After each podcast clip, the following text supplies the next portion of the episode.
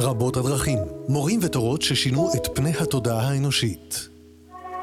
והפעם, דליק ווליניץ משוחח עם גיל אלון על סוגיות נבחרות במשנתו של המורה היפני זן מאסטר דוגן.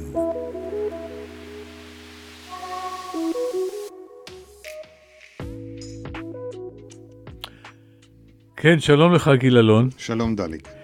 אה, אנחנו במפגש השלישי שעוסק בזן מאסטר אה, דוגן, ואנחנו אה, מדברים על דוגן דרך, דרך שערים אחרים. לא מקובלים דרך ציטוטים שלו שאנחנו מנסים ביחד לפענח ולראות איפה, איפה הם פוגשים אותנו. אז הנה הציטוט השלישי.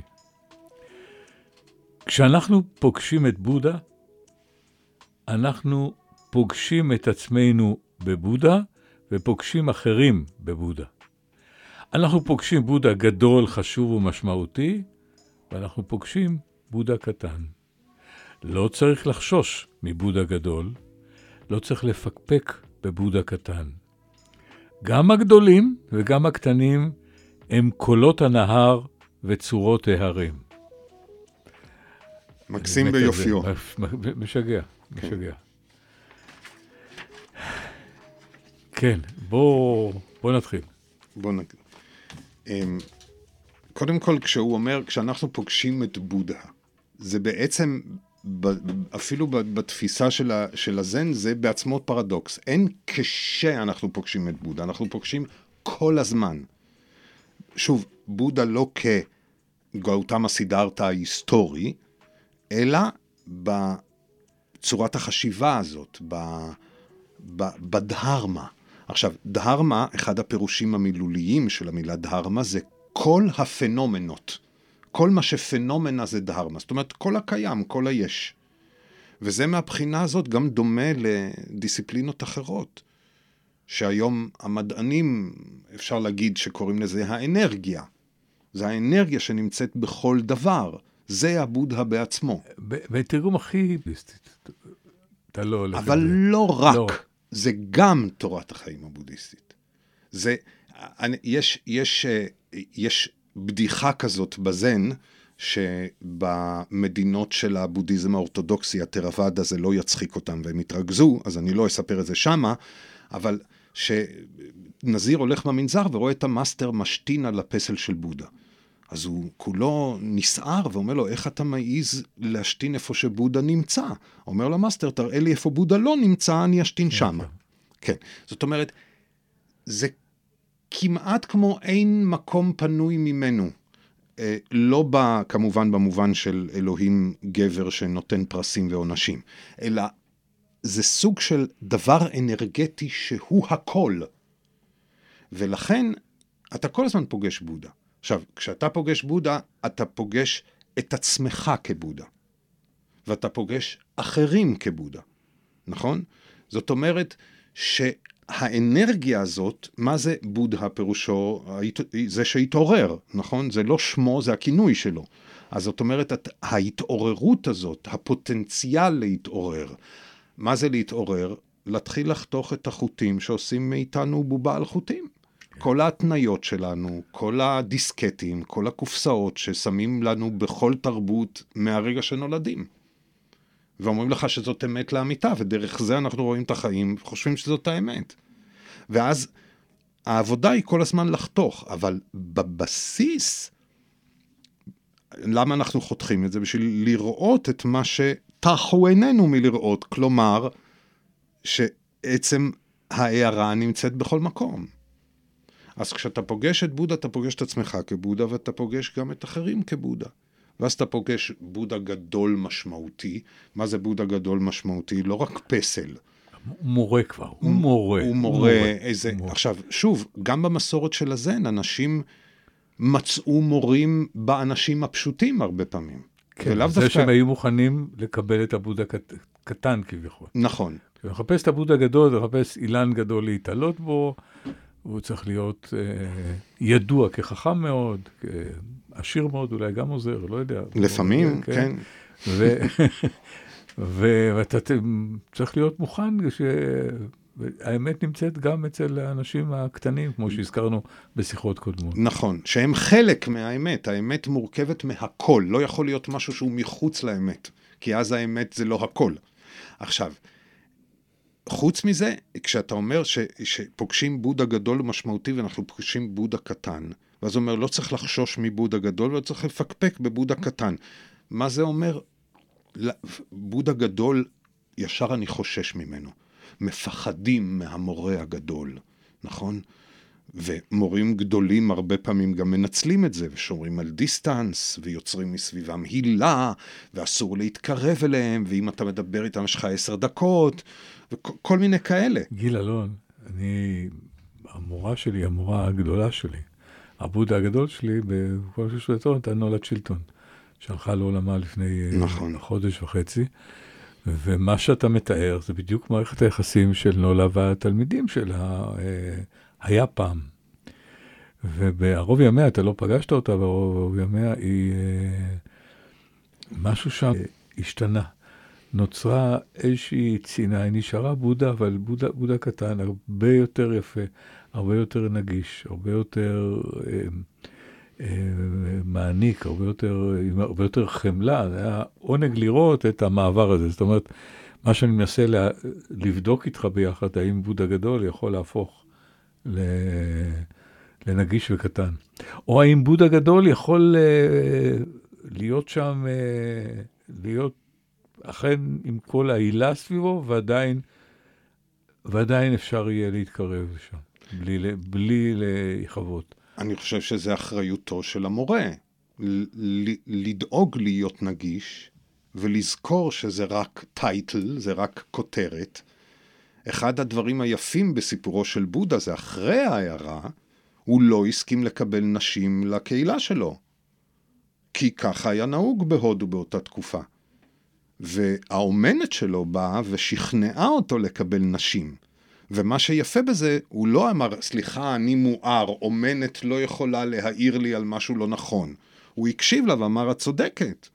והתחיל לקבל נשים לקהילה. זאת אומרת... יש את הסיפור של גותמי. אה, גותמי עם אה, זרע החרדל. כן, ברור. ששוב, כן. אני אף פעם לא יודע אם זה, אם אה, יעקב רז המציא את ההמשך, או שהוא נמצא גם בהגדה האמיתית. אבל מה שיעקב רז אומר זה שגוטמי ניגש לחפש באחד הבתים מקום, של...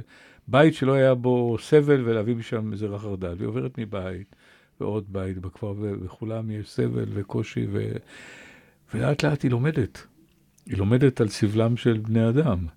ולאט לאט היא מתחילה לתת עצות מהבית הראשון לשני ולשלישי, והיא, כשהיא חוזרת אל הבודה, היא כבר עובדת סוציאלית אה, מדרגה ראשונה, והיא אה, חלק מהסיפור, היא יכולה להצטרף לה, לקהילה הקטנה שסביבו. כן, כן. אה, מכולם אפשר ללמוד. ובודה קטן, מבחינתי זה גם ילדים. לדעתי ילדים הם זן מאסטרים, לפני שמקלקלים אותם. במה הם מומחים ילדים קטנים? בלהיות בכאן ועכשיו, אין להם שום בעיה עם זה. נכון. להיות יצירתיים, אין להם שום בעיה עם זה. אין להם כל כך דיסקטים וקופסאות כמו שדחפו לנו, ויש להם את היכולת לאהבה ללא תנאי. זהו. אבל לא רואים בהם מורים. כל, זה... איזה ו... מורים גדולים הם. גד... כן. מורים גדולים מאוד. ולכן, גם בודה, גם ישו אמרו, אתה לא יכול לבוא לממלכת הלימוד שלי אם אתה לא בא כמו ילד. כלומר, באמת סקרן, באמת רוצה לדעת, ואין לך שום בעיה לשאול למה שלושת אלפים פעם, עד שתשביע את רעבונך לנושא מסוים ותפתח את הרעבון לדבר הבא.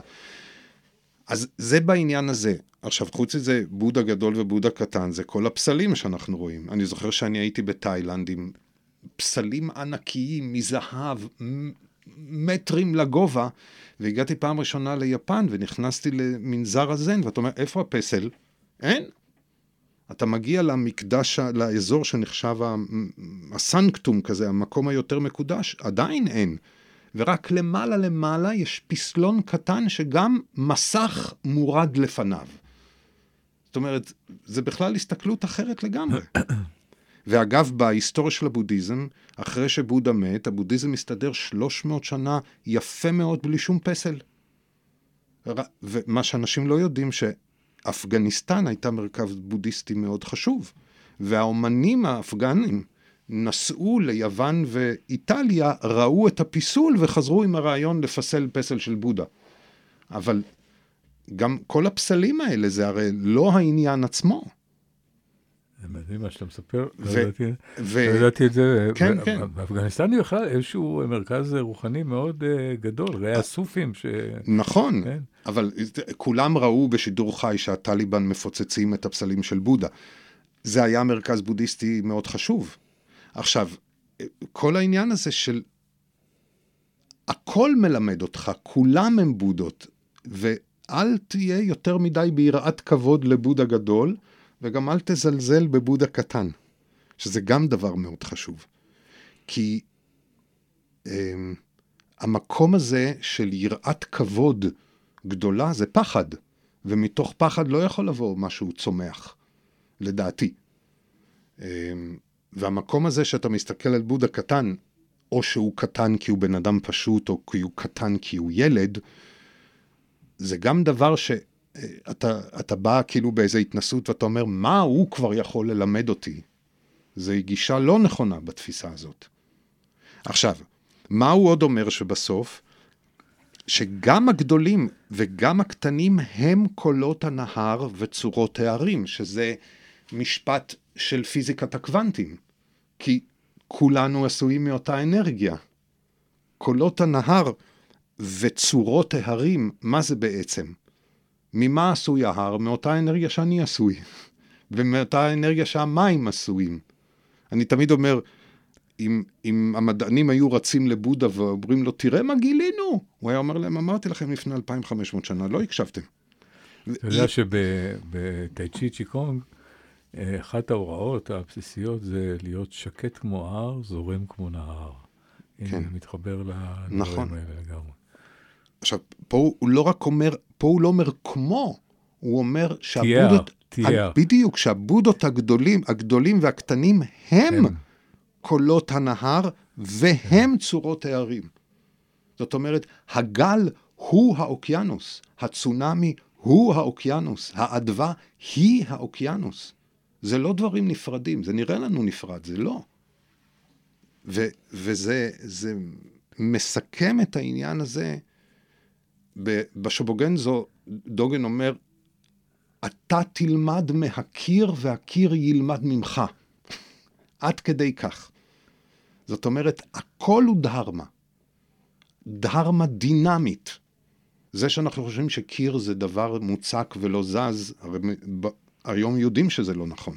שזה מחול מטורף של חלקיקים אנרגטיים, שבגלל שאנחנו מוגבלים, לנו זה נראה מוצק. זה דבר דינמי. עכשיו, והוא כבר ידע את זה, לא צריך להיות מדען בהסתכלות פנימה.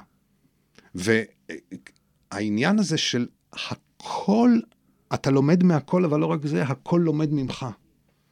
שזו תפיסה רדיקלית ביותר. כן. טוב, אה, אני רוצה לשאול אותך, בתור אה, בודה גדול או בודה קטן, במסגרת המסע שלך עברת מה שנקרא הסמכה מאיזשהו סוג? כן. תספר לי על זה.